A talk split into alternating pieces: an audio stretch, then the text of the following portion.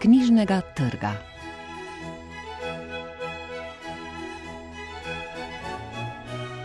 Dober dan. Zbirka kratkih zgodb Tadeje Krečic Holten nikoli ni prepozno, izbor poezije Matja Sagerica v nebesih dežuje, roman Jureta Godlerja Vohun, ki me je okužil in memoarska knjiga Branka Marušiča Iza spominov. To so knjige, ki nas čakajo v oddaji iz knjižnega trga. Recenzije so napisali Katarina Mahnič, Tonja Jelen, Ana Henkok in Istok Ilih.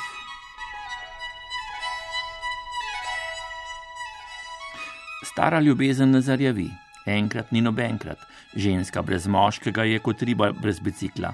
To je le nekaj naslovov zgodb, da je Krečič Holten zbranih v knjigi Nikoli ni prepozno. Pa tudi živemu človeku se vse zgodi, saj seveda ni vse tako preprosto, kot na prvi pogled nakazujejo ljudske modrosti. Knjigo je v zbirki prvenci izdala založba Mladinska knjiga, ocenjujejo Katarina Mahnič. Zbirko kratkih zgodb s pomenljivim naslovom Nikoli ni prepozno je napisala Tadeja Krečič Holten, prevajalka, književna in gledališka kritičarka, najbrž najbolj znana kot urednica radijskih oddaj in novinarka na tretjem programu Radia Slovenija. Glas, ki nam je domač z radijskih valov, je torej poniknil v tiskano besedo, vendar ga prav čudežno v njej še vedno slišimo in to zelo močno, celo večglasno. Helena Koder, ki je v živahno zgoščenem spremnem besedilu na koncu knjige zajela vse adute pričujoče pisave, je avtorico poimenovala z laskavo, a zares ustrezno besedo: pripovedovalka. Ob branju kratke proze Tadeje Krečic Holten so se mi zbudili spomini na odlične, čeprav že skoraj pozabljene zgodbe. Najprej me je odneslo v Avstralijo, kjer sem se v 90-ih letih spoznala z bogato pripovedovalsko tradicijo te celine. In kakšne zgodbe so bile to? Odkrite, nesprenevedave, življenske, zarezale so do kosti kot je v istem času vame s kratko prozo zarezal tudi američan Raymond Carver in me je v popoln trans spravila kanačanka Alice Munro. Pri nas je bila kratka zgodba takrat v primerjavi z romanom kronično podcenjena, zadnja leta pa nenadoma vsi pišejo kratke zgodbe, pisatelji in tisti, ki bi to radi postali. Vznikajo delavnice kreativnega pisanja, kjer se vsak lahko nauči napisati zgodbo. Pa ne, da bi bilo to slabo in da v zadnjem času ne bi išlo nekaj res dobrih kratkoproznih zbirk, le pogled na umetnost pisanja te zvrsti se je precej popreprostil.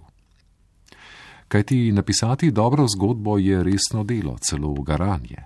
Ni dovolj teoretično znanje, tudi ne samo talent.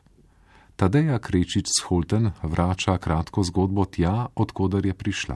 Iz globine človekovega bistva, iz želje razložiti nerazložljivo, iznuje v besediti, kar bi sicer šlo v pozabo. To naredi lahkotno in elegantno, brez gnanja za tem, da bi dosegla učinek za vsako ceno, morda celo šokirala z vsebinskim zasukom ali slogom, z bizarnim junakom ali situacijo ne poigrava se ne z grotesko, ne žanri. Njeno pisanje je klasično, pripovedniško, spretno in žlahtno gostobesedno. Iz njega dihajo bogatstvo izkušenj, izjemen posluh za ubesedenje tistega, kar so jim morda povedali drugi, in nezgrešljiv humor. Vse je na svojem mestu, ni popustov in ni bližnic, jezik je prečiščen in gladko tekoč. In prav zaradi tega se zgodbe Tadeje Krečic Holten v zbirki Nikoli ni prepozno, bravca tako dotaknejo. Toliko ve, toliko od tega, kar piše, je očitno že doživela, dojela, sprejela, preživela. Nikoli ni prepozno si ponoviš knjižni naslov. Morda je zapisanje včasih bolje pozno kot prezgodaj. Ali kot v zgodbi, kdor čaka, dočaka, razmišlja v kavarni čakajoča srednjeletnica, ko jo preplavi spomin na mladega pianista, ki je na koncertu za umret lepo odigral Rahmaninova. Pa kako, tako mlad? Rahmaninov je za nas, srednje in poznoletnike, ko že veš, kakšne uspone in pace, zareze in ostrine ima življenje, naporno življenje.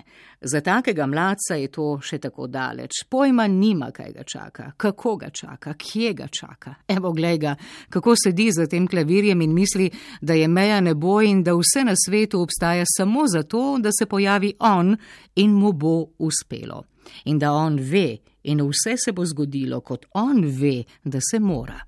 V resnici pa ne ve in ne ve, da ne ve in ne ve, da se bo zgodilo vse popolnoma drugače in bo ugotovil, da še tisto, kar je mislil, da ve, da mora tako biti, bo še najbolj narobe.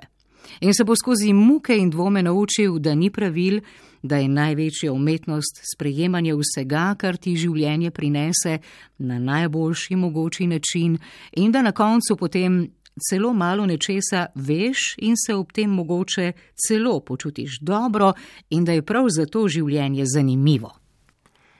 Tadeja Krečic Holten kramlja z bravcem z različnimi glasovi.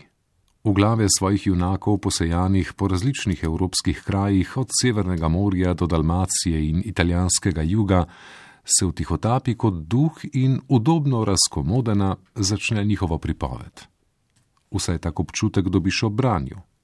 Njeni stavki so dolgi, komaj kdaj zajame dih, prav res kot bi govorila in ne pisala. In vendar je vse kristalno jasno. Enako suverena je kot majhna deklica, ki ob morju brezkrbno liže sladoled, ali kot razlaščen, dementen starec z napačno meščansko preteklostjo, kot v pasti vojne ujeta šivilja Angela ali 50-letni mamin sinko na krožni vožnji z avtobusom kot 34-letna obupanka, ki lovi zadnji vlak ali na novo zaljubljeni postarani lastnik Alberga, suverena je celo v živalski koži. Preobrazba ji, po mojem mnenju, najbolj prepričljivo uspe v zgodbi Enkrat ni nobenkrat, v kateri petletna Tinka doživi nekakšen preskok iz otroštva v odraslost, ko ji v trenutku postane jasno, zakaj staršev na počitnicah toliko krat ni bilo iz sobe. In jo v enem samem hipu preplavi nekaj velikega, prevelikega za njo, ker je še majhna. Da so nekatere stvari na svetu, ki so enkrat, pa to ne pomeni, da so nobenkrat, sploh ne, ampak so enkrat in za zmeraj in jim ni konca. Odlična je zgodba Eter je slab prevajalec, v kateri je avtorica zelo posrečeno združila svoje radijsko znanje s smislom za humor in dobrim občutkom za zvočne učinke. Tisto žvenketanje za pesnicami v studiu je nepozabno, pa tudi za bloda, ki iz tega sledi. V očrljivi zgodbi sveta Rozalija prosi za nas puhne vate soparna vročina septembrskega Palerma ljubezenskega prebojenja precej naveličanega hotelirja Paola, ki ga veseli le še nogomet, si skoraj ne moreš predstavljati brez natrpane in glasne kulise sicilijanske prestolnice. In tako naprej. Pravzaprav je zapomljiva in za drugo branje vabljiva prav vsaka od šestnajstih zgodb. Nikoli ni prepozno je zbirka, ki je na prvi pogled zelo preprosta kar tako na prvo žogo se naslovi zdijo kot pregovori ali njihove premetanke. Mimo grede ujamemo rdečo nit, ki se večinoma dotika smrti, staranja, minevanja, neizpolnjenih iluzij, izgube identitete. In kot za žalo se avtorica pred našimi očmi preoblači v zmeraj nove vloge. Pa je seveda vse do konca domišljeno. Če bi mi kdo rekel, da čisto na kratko opišem prvo in upam, da ne zadnjo knjigo Tadeja Krečič s Holten, bi rekla, da je svetla, duhovita, optimistična. Pa čeprav se v njej drenja toliko izgub. Na takšen način ubesediti krute, nepredvidljive in neizogibne stvari, s katerimi nam postreže življenje, je res velik dar. Pisateljski in pripovedovalski.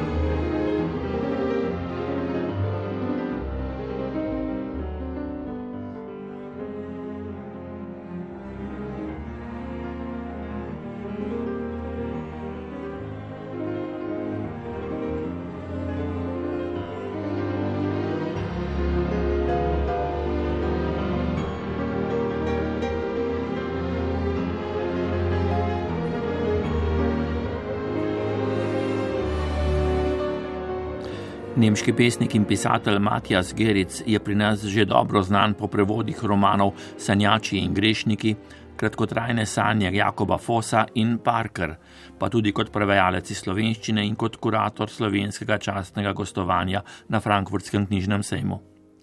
Pred kratkim smo ga spoznali še kot pesnika. Za izbor z naslovom V nebesih dežuje je Aleš Štegar izbral in prevedel pesmi iz vseh štirih njegovih pesniških zbirk. Knjigo je izdala založba Litera, o njej piše Tonja Jelen. Poezijo Matijasa Gerica v knjigi V nebesih dežuje sestavljajo izbrane pesmi iz zbirk Lups, Puls, Tuls in Spuls. Izbor iz Lupsa se začne s pesmijo Načrt mesta. Kako nenavadno, če je skupni imenovalec sicer nomadstvo. Pesem nas opozarja na ujetost in nezmožnost obladovanja mesta, kaj šele samega sebe. Stojim ob oknu in znojim svoj jaz ven iz telesa, piše. Subjekt je torej vržen v nenehno potovanje zunaj in onkraj sebe. V pesmi v Lupsu so pogledi iz perspektive ptiča, ki z vrha stolpnice lahko napoveduje prihodnost. Na to pa se perspektiva obrne. Pesniški jaz zre v spomine, od fetusa do otroštva. In tukaj že lahko zaznamo motiv potovanja, to so umiki v sam jaz, v dogajanje z bližnjimi. Ta intimna, a skoraj objektivna obeseditev je kot road trip, kot popis izletov po spominih. V nadaljevanju izbora avtor te pobege širi tudi na dejanske fizične bege oziroma poti. Izbrane pesmi iz pulsa so nadaljevanje lupsa. Subjekt ostaja zvest razvijanju podobe resnične osebe, da nima očeta ali Jana van Eyka. Do minevanja, ki ga omenja tudi v preostalih pesmih, je neprizanesljiv. Pri tem nas avtor spretno opomni na pobijanje živali in onesnaževanje okolja. V zbirki Puls gre za kompleksen pretres problematiziranja jaza in njegovega potovanja. Nikoli ne vemo, kje smo na neki gozni poti na svetu, v vetru, na neki sliki, na nekem listu papirja. Tukaj je smrtonosna beseda. Piše v eni vidnejših pesmi prazna plastična vrečka, ki jo veter nosi naokrog. Analizirati jo je mogoče z več vidikov, naprimer ekokritike, eksistencializma in postmodernističnih postopkov. Prav ta soočanja z različnimi liki in dejanskimi akteri iz pretekle umetnosti so med najbolj uspelimi pesmimi v tej zbirki. V tretjem izboru iz zbirke Tools nas Geric povsem obrne. Subjekt je lovec, ropar, ki v dvojini prežina orodje gonilo. To so številni neposredno navedeni avtomobili in v tej zbirki se začne popoln cestni pobeg pesmi pridobivajo na strasti in tempu. Odmikajo se od nekoliko vase umaknjenega subjekta v prvih dveh zbirkah. Dvojni oji v zbirkah se stopnjujejo v U, v temno zvočnost. Naslovi pesmi so večinoma poimenovani po znamkah in vrstah avtomobilov, v katerih potuje pesniški jaz. Vse postane bolj ali manj popredmeteno, Človek je zgolj material, jezik je zgolj material, telesno meso je zgolj material, piše. Beseda spuls je prevzeta od Samuela Becketa, izbor naslova pa je mogoče povezati z nenehnim interpretiranjem zgodovine in literature.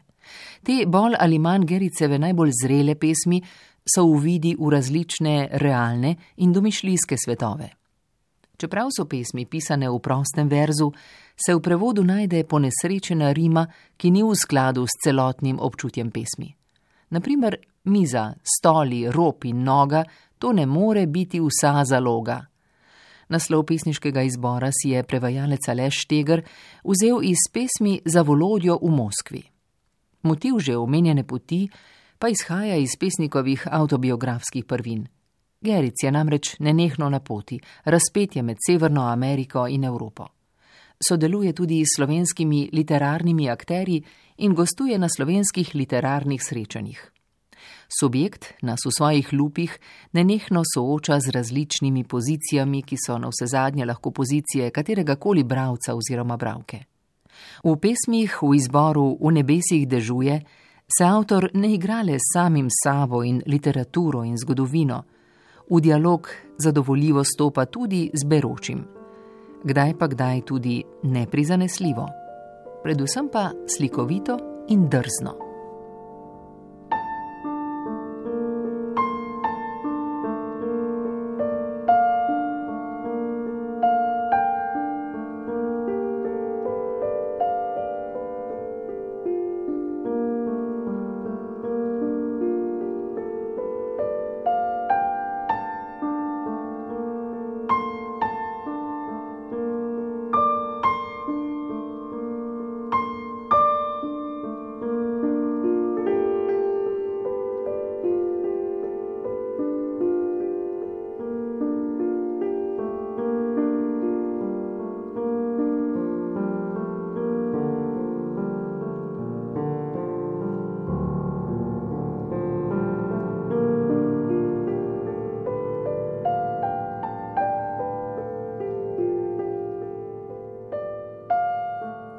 Lani je Jure Godler presenetil s parodijo vohunskega romana z naslovom Kazino Banal in tudi z drugim romanom Vohun, ki me je okužil, se je zdaj navezal na bondovsko franšizo Iana Fleminga ter ga, enako kot prvega, postavil v našo klavrno sedanjost.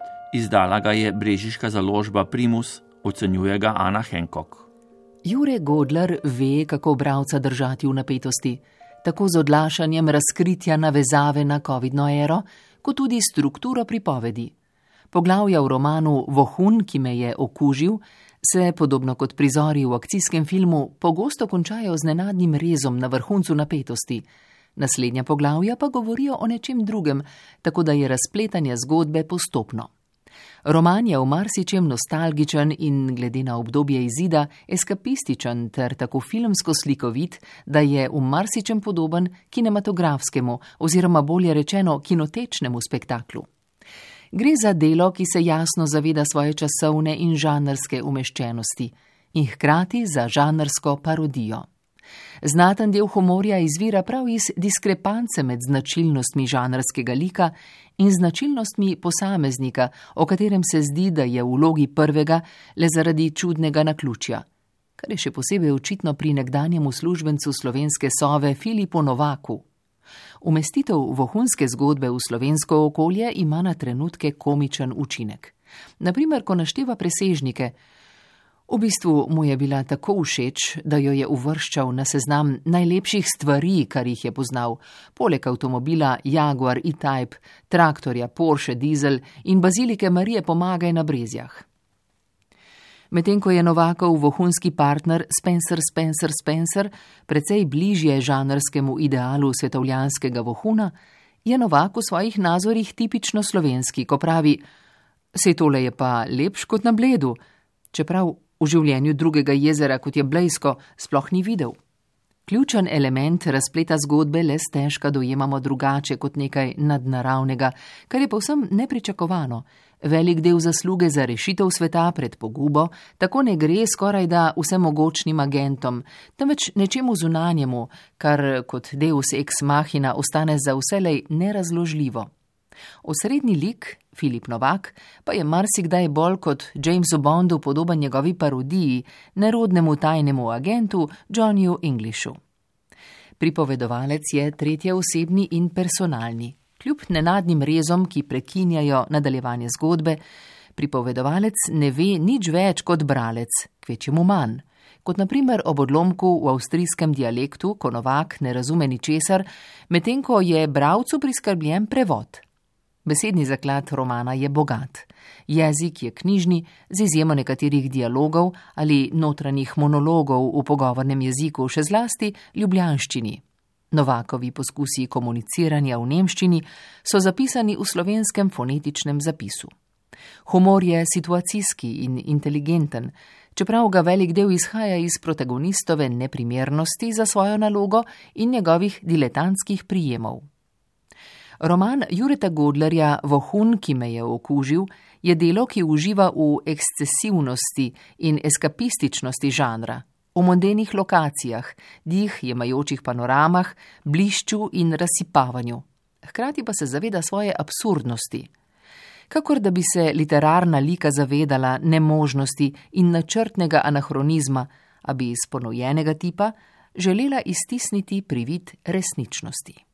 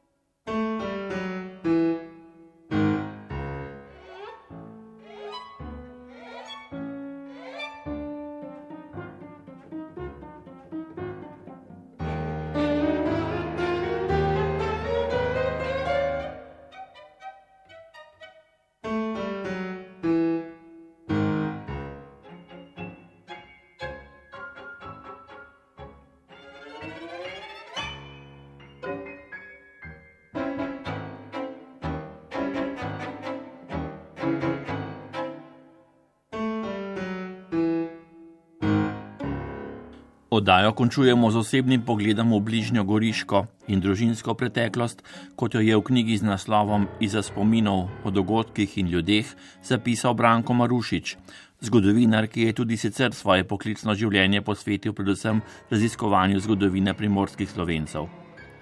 Knjigo je izdala založba ZRC, predstavljajo Istok Ilih. Zgodovinar Branko Marušič je v knjigi Iza spominov o dogodkih in ljudeh strnil 32 svojih zapisov nastalih ob pomembnih zgodovinskih, političnih, kulturnih in drugih dogodkih na Goriškem ter ob srečanjih, jubilejih in smrtih znamenitih rojakov. Nekateri so bili kot nagovori prebrani v prijateljski družbi, drugi ob obletnicah, na strokovnih srečanjih in ob bolj uradnih priložnostih, večina pa jih je bila v obliki domoznanskih in strokovnih člankov objavljenih v primorskih časnikih ter strokovnih in lokalnih glasilih, kot so Primorski dnevnik, Sokanski časopis, Goriška srečanja, koledar Goriške mohorjeve družbe in različni zborniki. Skupni imenovalec raznorodnega nabora večinoma kratkih spisov je spomin. Čisto na začetku je Marušičeva rekonstrukcija lastnega otroštva, kako sem preživel prvo leto življenja, oprta kaj pa da na pripovedovanje mame Vide in takratno družinsko korespondenco. Ta se je začela z brzojavko babici Franji v komendo pri Kamniku, da je dobila vnuka, ob čemur naj bi po nedavni smrti vnukinje Majde uskliknila: Hvala Bogu, Le zakaj ni punčka, to mi je pa kar žal. Pozneje je ta zadržek minil in Branko, kot so ga klicali doma, čeprav je bil do krsta še Vitko, na to pa uradno Francesco, je preživel veliko lepih dni tudi v komendi. Tam ga je det, nevajen novotariji, po domače preimenoval v Francelna oziroma Francka. Ohranjena pisma so pomemben vir tudi za naslednji, najobsežnejši prispevek v knjigi, ki ga je Branko Marušič posvetil očetu Francu predvsem njegovemu šolanju, najprej še v avstro-ogrski dobi v Savkanu in na Goriški gimnaziji, ki je leta 1913 postala prva državna gimnazija s slovenskim učnim jezikom v monarhiji, po izgonu z območja Soške fronte pa v Ljubljani. Za študij si je izbral medicino. Začel je v Ljubljani in v letih najhujšega povojnega pomankanja, o čemer pričajo pogoste prošnje domov za denar, leta 1925 promoviral v Gracu. Dve leti pozneje je moral doktorat potrditi še v Padovi. V Italiji mu prvega niso priznali, ker je, kot je v pismo razložil mami Katarini, šel iz političnih ozirov študirati v inozemstvo in s tem ni hotel priznati nove države. Marušič svoj sprehod skozi čas nadaljuje z orisom razmir v coni A Julijske krajine skoraj 20 let pozneje ter spominom na pogreb prekopanih posmrtnih ostankov Janka Premrla Vojka leta 1946 v Podnanusu, ki se ga je udeležil starši. V nadaljevanju se v svojevrstnem spominskem albumu Branka Marušiča vrstijo predvsem portreti njegovih izbranih prijateljev in zaslužnih rojakov. V njih se potrjuje ta avtorjeva navezanost na primorsko ter izjemna razgledanost in poznavanje zgodovinskih, pa tudi kulturnih in političnih mejnikov ter z njimi povezanih ljudi naprimer učitelja Zdravka Jelinčiča, v katerem Marušič vidi načrtovalca Nove Gorice, ki je s svojimi vizijami, nekatere so se poznaje uresničile, prehitev državne odločevalce. Leta 1958 pa je utekal čez mejo in se naselil v Kanadi. Številni manj znani podatki in osebne ocene so navedeni še v drugih zapisih, predvsem v prispevkih povezanih z Goriškim muzejem in Novogoriško raziskovalno enoto ZRC, kjer je kot znanstveni svetnik deloval do upokojitve. Dragoceni so tudi Marušičevi osebno uglašeni prispevki, posvečeni med drugim Lojzetu Spacalu, Francetu Belku, Milku Matičetovemu, Silvestru Komelu, Milici Kacin Vohinc, Tomažu Pavšiču in Sašu Vugi.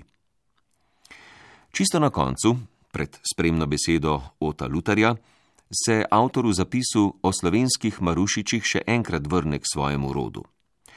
V doslej neobjavljenem, za to priložnost dopolnjenem nagovoru udeležencev srečanja Marušičev v opatjem selu pred pol tretjim letom med drugim ugotavlja, da živi po svetu več tisoč ljudi s tem prijimkom, zapisanim po italijanskih, nemških in drugih pravopisnih pravilih, tudi z izvirnim dalmatinskim mehkim č na koncu, saj so se na slovenski zahod verjetno naselili v 16. stoletju ali prej.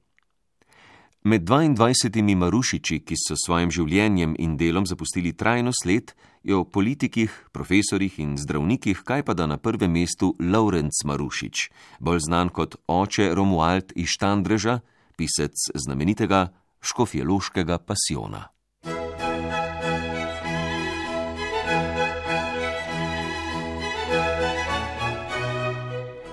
Poslušali ste oddajo z knjižnega trga. Recenzije Katarine Mahnič, Tonje Jelen, Ane Henkok in Istoka Iliha so prebrali Aleksandr Golja, Lidija Hartmann, Maja Mol in Matjaš Romih. Glasbo je izbral Marko Šetinc, oddajo je posnel Vladimir Jovanovič, uredil sem jo Vlado Motnikar.